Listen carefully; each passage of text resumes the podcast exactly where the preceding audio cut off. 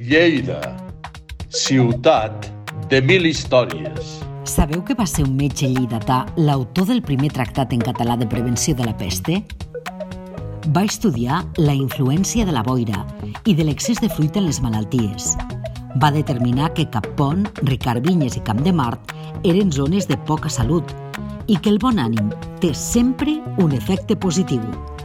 Lleida era al segle XIV una ciutat que limitava el dol i on els professionals que més morien eren els notaris. Mil històries. Mil històries. Les mil històries d'avui ens atancen la biografia de Jaume d'Agramont, un personatge històric molt rellevant per la ciutat de Lleida gràcies a un fascinant llegat que tots hauríem de conèixer.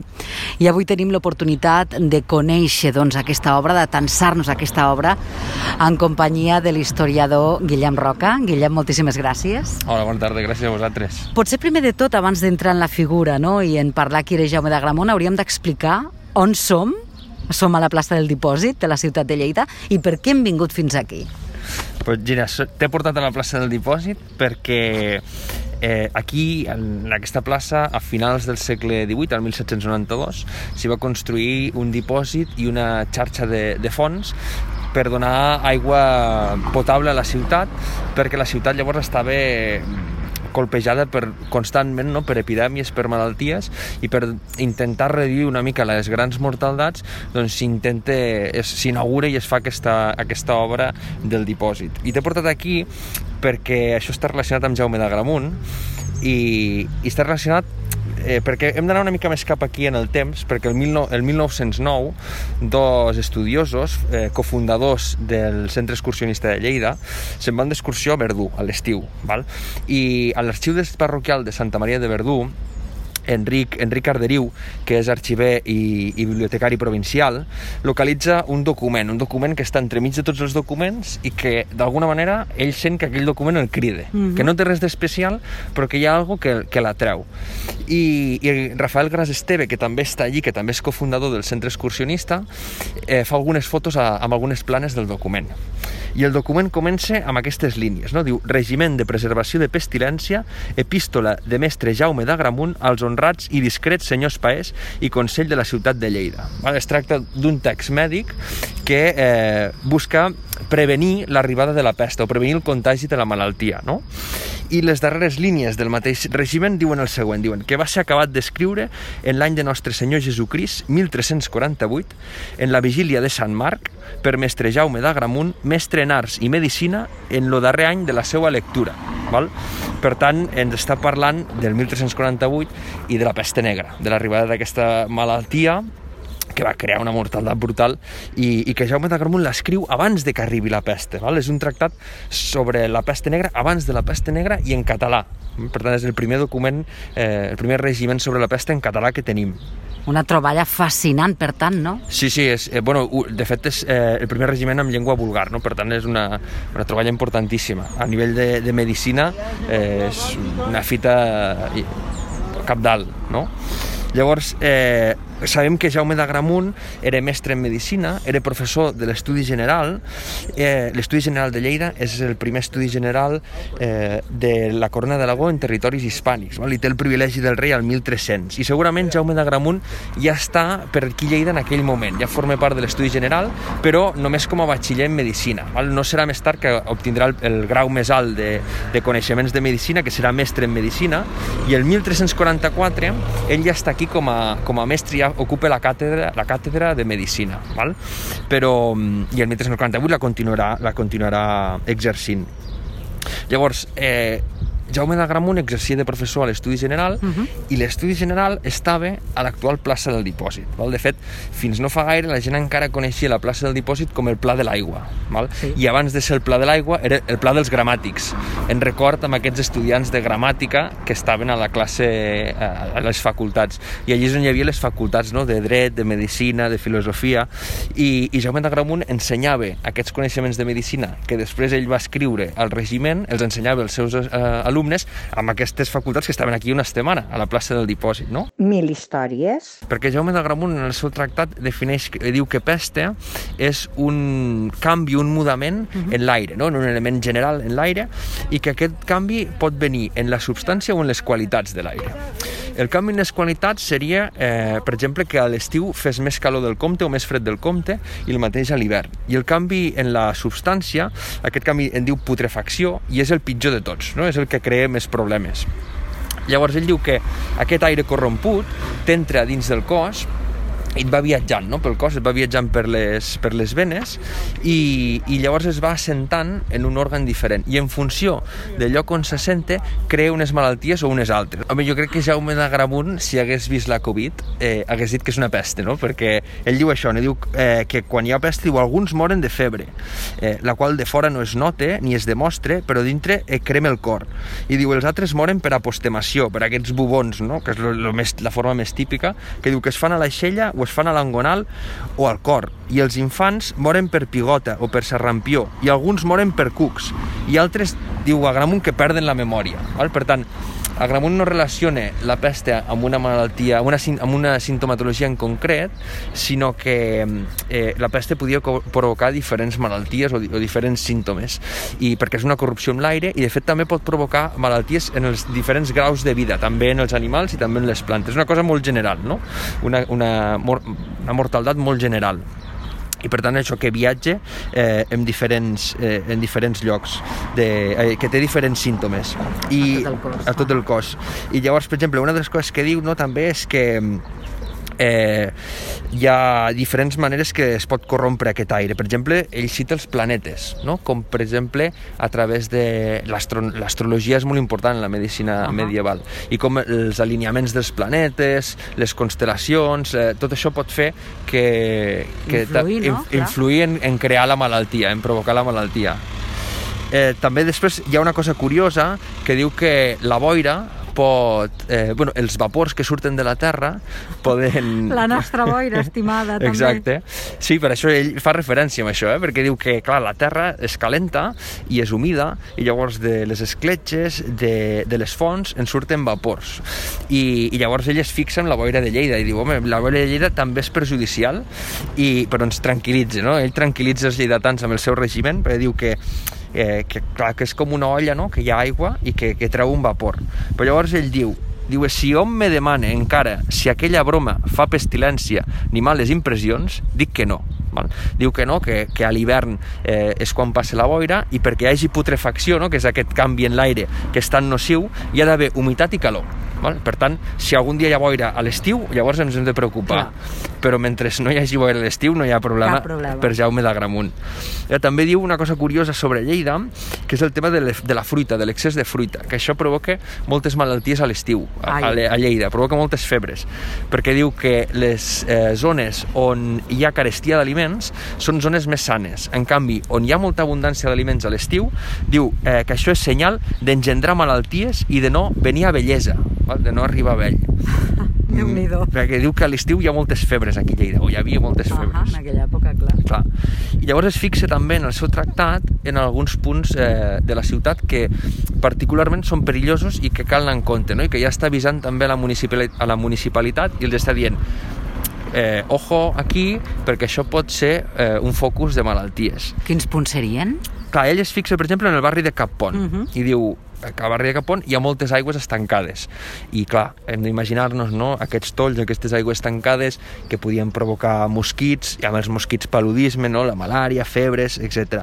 Després també diu coses curioses com que per exemple els monestirs dels franciscans i dels dominics el monestir dels franciscans estava a la plaça Ricard Vinyes Uh -huh. i el dels dominics estava al Camp de Mart val? perquè també ara des de la plaça del dipòsit ho tenim relativament a prop Sí. Eh, i diuen que com que estan darrere del turó de la Sa Ovella i no poden gaudir, gaudir del sol purificador que ve de llevant, diu això també pot ser que siguin eh, llocs eh, pestilents o, o de poca salut. I després es fixa en un altre espai que també és interessant, que seria la triperia i la carnisseria. Val? És la zona de... Són els espais de compravenda, perquè també parla de la plaça de les Cols, val? els espais on és compravenda d'aliments i, per tant, eh, es generen deixalles, deixalles que es deixen allí, que es podreixin al sol, Clar. i això provoca males olors, i ells també associen, perquè la medicina medieval i, i, el, i el, els municipis, no? els consells, també se n'adonen de la relació que té la brutícia amb la malaltia. I, de fet, serà cap aquí que comencin a regular, no? amb crear mesures de salubritat per intentar prevenir totes aquestes acumulacions de, de basura que generaven a les ciutats medievals. Mil històries. La medicina medieval i el tractat de Jaume d'Agramunt es fixa en, en sis elements, que diuen les sis coses no naturals, que són les que hem de tenir en compte per tenir un bon regiment de vida. Perquè cal tenir present que el, el document que fa Jaume d'Agramunt és un document pensat per prevenir la malaltia. Jaume d'Agramunt diu, el meu document el, el faig a tothom, per això el fa en català, uh diu, Ahà. perquè és per a tothom, no és per als metges, i és perquè la gent tingui nocions sobre com ha de prevenir la malaltia. No per als metges, perquè ai, la, la part curativa de la malaltia, aquesta és la que és per als metges Clar. i, i aquesta és la que no, ell no, no creu que hagi de tenir-la tothom perquè si es malinterpreta això pot provocar no, que algú prengui un medicament que no toca, que algú s'autodiagnostiqui Clar. i això podria crear problemes. Llavors ell diu, no, jo dono la part preventiva, no la part curativa. I La part preventiva per a tothom, perquè tots sapiguem com Exacte. ens hem de conduir per la vida, no? Sí, clar, perquè la medicina medieval té una cosa molt, molt interessant, que és que la medicina no és només per al malalt, sinó que també és per al sa. El malalt ha d'utilitzar la medicina per recuperar la salut, però el, el sa l'ha d'utilitzar per mantenir-la. Mm? Avui en dia la medicina estem molt acostumats, no?, només a anar al metge Quan est- tenim un mal, clar. Exacte, quan estem malalts. En canvi, Jaume d'Agramunt diu, no, no, és que el sa també ha d'utilitzar la medicina, aquest bon regiment, a través d'aquestes sis coses no naturals, per poder eh, mantenir la bona salut, no? Guillem, i segur que són vàlides avui en dia també. Bueno, bona part sí, eh? jo crec que, que al final eh, són coses de lògica, perquè diu l'aire i l'ambient. bueno, clar, aquí aquesta idea de les males olors, ell diu, doncs l'aire l'hem de corregir, l'hem de perfumar. Aquesta potser, avui en dia, eh, la medicina moderna, amb això ja no, ja no ho veiem tan clar. Però l'altre diu el, el bon ús del menjar i el beure, una bona dieta, no? una correcta alimentació. El son, vàlid, totalment. a- aquesta sí. El son i la vigília, no? Mantenir unes bones hores de son i, i unes bones hores de- d'estar de, despert i d'estar actiu. Evacuació i retenció dels humors. Aquí entrarien totes les mesures relacionades amb les sagnies i amb les purgues. Després també el moviment i el repòs. Ell diu que hi ha d'haver un, un, unes pautes a l'hora de fer exercici, no fer-ne excessivament, perquè el contagi es pot produir també a través dels poros, no? I quan Ah. fem esport, suem, aquests poros s'obren, llavors ens pot entrar la malaltia. Llavors diu que en èpoques de peste val més reduir l'esport o fer uns esports determinats. I després els accidents de l'ànima, que això són mesures de psicologia, val? que això després en, en, en parlarem perquè, clar, ell s'hi ha dit, no? Tenien una mica la idea del contagi, i això ho, ho veien... Ho, ve, Ho veien claríssim, Ho, ho veien eh? No l'entenien com l'entenem nosaltres, però sí que se n'adonaven de que, clar, a través de l'aire es podia transmetre la malaltia. També a, a través dels poros, com hem dit, Mhm. a través dels aliments, vale? aliments que estaven contaminats, que venien de regions contaminades, aquests aliments també et podien eh, por- portar la malaltia. I després també, per exemple, a través del contacte amb els malalts, perquè Jaume d'Agramunt diu que s'ha de parar molt de compte amb l'alè dels malalts, perquè diu que és una alè que fa mala olor i que aquesta mala olor eh, és sinònim eh, d'aquests, eh, d'aquest aire corromput. I també eh, a través de la mirada dels malalts, perquè diu que la mirada d'un malalt també pot portar la malaltia i que s'ha d'anar en compte amb que no et miri cap malalt. De fet, amb el tema aquest dels aliments, diu una cosa curiosa Jaume d'Agramunt, perquè diu que, que s'ha d'anar en compte amb l'especieria que ve, no? Les espècies, les espècies són eh, un aliment que està a mig camí, no? Entre, entre l'aliment per ingerir i, i, i el medicament. No? I les salses també, que es fan amb espècies, no? Estan a mig camí entre l'aliment i, la, i el medicament. Llavors ell diu, compta amb l'especieria perquè eh, si es porta de regions pestilencials, o de, de, des d'on de, on hi ha costum de que vinguin les espècies, diu que poden, poden ser contagioses. Llavors diu, car més valdria menjar salsa de bon all que salsa de girofle o de canyella o de nou moscada, que fossin corromputs enverinats. Un bon allioli de casa, eh? Exacte. Ella està dient això, no? Que més val un allioli de casa que no anar a fer-nos els, Els els nobs exòtics. exòtics a buscar coses de fora. Déu-n'hi-do, déu nhi déu Que curiosa, eh? I fa Clar. tants centenars d'anys. Exacte, perquè ell el que està dient una mica és de dir, bueno, no anem a buscar medicaments, no anem a buscar espècies que serveixin com a medicament de fora per pal·liar la peste si venen de llocs pestilents. Clar. Va, més val que utilitzem coses de la terra, encara que potser no siguin tan bones, però si no estan contaminades, doncs són millors. Era un senyor de molts senys, sí senyor. Era un senyor de, de coneixement. Mil històries. Clar, llavors, eh, com actua el Consell davant d'això? Eh, doncs, bueno, de maneres, de maneres mm, de maneres curioses. Eh? Eh, clar, no tenim els registres de 1348, per tant no sabem què va fer el Consell al 1348. Per què no els tenim? Perquè la classe més elevada, no? la, la gent amb possibles, en piques declara un brot d'una malaltia mm, fugen, Fuig, clar. no? com ara, no? qui podia se n'anava a la segona residència Clar. i, i d'aquí va venir polèmiques que vam tenir durant, durant la Covid. Sí. Doncs llavors també, la gent que podia marxava de la ciutat i, i fugien de la malaltia. I què passa? Que aquesta gent eren els, els que sabien llegir i escriure, els que estaven al Consell, els que portaven els registres. Per tant, no hi quedava ningú per escriure. A part, també, els que podien escriure són notaris i, i escrivents. I aquesta gent també són els que redacten els testaments. Per tant, són els que anaven als llits dels moribuns a redactar els testaments i són els que es contagien més. De fet, eh, entre les professions mm, que pateixen més les la mortalitat de les pestes hi ha els notaris, per això no? perquè anaven a fer aquest servei als moribuns i, i era fàcil que es contagiessin. Però bueno, tenim el, els registres del Consell del 1371 i del 1384. Llavors, a partir d'aquí, podem una mica saber com actuava el Consell eh, quan hi havia una peste. Lleida fa, fa cas de la medicina galènica, no? de, la, de la medicina que s'estudia a la universitat, a, a l'estudi general. Per exemple, sabem que eh, al 1349 ja es prohibeix eh, llençar algunes restes de la carnisseria a la denominada sèquia d'Alcarràs, val? perquè es veu que els carnissers pues, mataven els animals i les llançaven. Clar, és 1349, és just després de la peste, uh -huh. perquè diuen que de la sèquia en surt una olor terrible. Llavors, eh, bueno, això s'ha de prevenir i llavors eh, prohibeixen llançar les, les restes a la sèquia. De... Sí, sí. Però, però pocs anys després trobem una queixa perquè la gent diu que els carrers del, del voltant de la carnisseria estan plens de banyes i d'ossos, de manera que és molt fàcil entrapussar i fer-se mal o clavar-se un os al, al, al peu. No és per una cosa, és per l'altra. Eh? Exacte, o sigui que van deixar de llançar-ho a la sèquia per llançar-ho directament al terra, no? Clar. Després també, per exemple, les aigües residuals, no? la dels orinals, no? que, que es buidaven lo típic a través de la finestra o, o al carrer, a, a les clavegueres. Llavors, eh, el 1408, el Mostassaf es queixa perquè diu que, que la gent porta les privades, no? els orinals, els porten de dia i els porten descoberts, i que això se segueix gran, gran infecció a, cap a les persones. Clar. I llavors ell diu, no, que ara a partir d'ara els hagin de llançar al vespre i amb els orinals tapats. Però clar, on anaven a llançar això? Doncs segurament eh, ho llançaven directament a la claveguera que queda, que hi havia al mig de la carnisseria. Imaginem-nos, no?, la barreja d'olors i de, i de i de sensacions que podíem tenir si estiguéssim allí.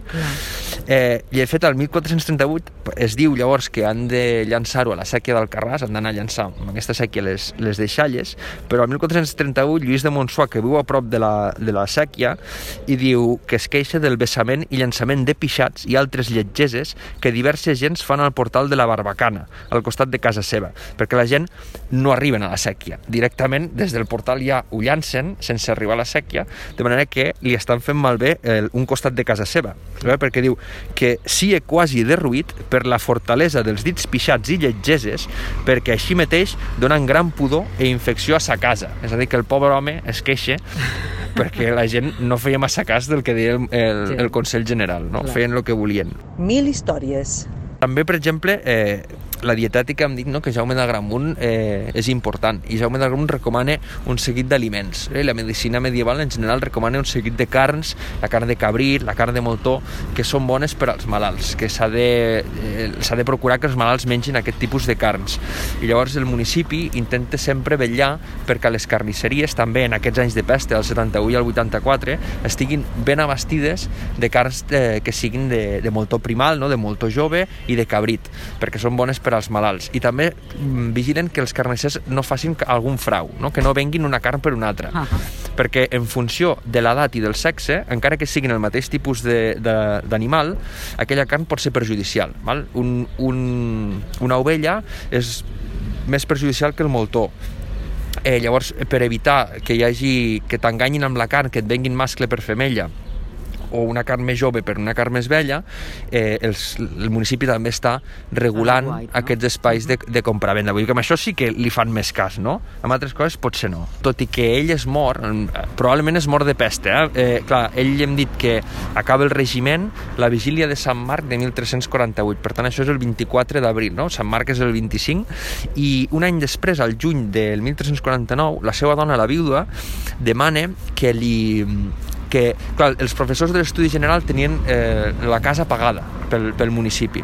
Llavors ella demana que li continuen pagant la casa perquè el seu home és mort, el seu marit és mort i llavors, clar, com que ja no hi ha aquest professor doncs se li ha acabat aquest benefici, aquest privilegi eh, el Consell Municipal li contesta dient-li que no, que la casa se, se li ha acabat però que eh, en Puig, que és un conseller, estime molt el llibre que Jaume d'Agramunt va fer i que del llibre li sigui donat alguna cosa a la dona vale? per tant que almenys li paguin d'alguna manera aquest servei que va fer per tant el municipi se l'estimava i, i tenia, el tenia amb, Certa amb apreci no? exacte. amb la senyora.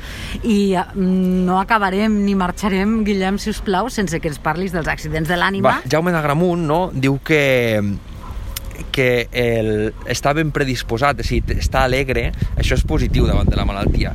Mentre que està trist o està eh, Decaigut, decaigut, apagat. exacte, això és negatiu, no? Diu, eh, goig i alegria és molt profitosa, no? Mentre Això que la ens ho por... apliquem avui en dia, també. Eh, Eh? Exacte, si teniu un... un està... Un bon humor, no? Eh, Una predisposició d'ànim positiu, no? Sí, exacte. Això és, això és bo. Llavors, el municipi amb això sí que li fa molt cas, perquè, per exemple, eh, es prohibeix el dol, imaginem-nos no, com havia de ser en un moment de peste una ciutat tota de negre. Clar. Doncs llavors diuen no, que només puguin portar dol els familiars directes, és a dir, els pares per als fills els fills per als pares, però eh, ja no cal que ningú Prou. més porti dol. I, per exemple, també es limiten els tocs de les campanes a morts. No? Imagineu-nos que està constantment les esglésies tocant a morts, doncs diu, bueno, prou. Que... Ànim enfonsat, clar. Clar, perquè la gent no es deprimeixi, de, intentem limitar uh, aquestes expressions de mort el, el màxim possible, no? Reduir-les el màxim possible. Hem fet una molt bona pinzellada i a partir d'aquí cadascú, si vol indagar més, doncs també pot fer-ho. Val la pena fer un incís, perquè, clar, pensem, Jaume d'Agramunt és mort de peste, no? Però, tot i així, el Consell li continua fent cas amb aquest regiment, tot i que al final la persona que l'escriu és eh, mort de peste i com d'altres metges moren de peste, no? Però, clar, eh, és que en aquell moment la medicina eh, és un element que dona resposta dins de l'imaginari medieval, dona resposta a aquest repte que és la salut pública i que dins de, dins de les creences de l'època doncs, eh, és una manera també de, dins de com s'entenia el món el, la medicina dona resposta amb això no? i per això té tant d'èxit per això es continua i de fet eh, no es quedarà amb això no? sinó que els, les municipalitats aniran millorant i durant el segle eh, XVI proliferaran els certificats de sanitat eh, proliferaran els llatgerets eh, les quarantenes ja en el 15 no? com es comencen a aplicar quarantenes a la gent clar, tot això a poc a poc s'anirà s'anirà millorant Guillem Rocomplaer, moltíssimes gràcies. igualment a vosaltres, a tu Gina Lleida, ciutat de mil històries.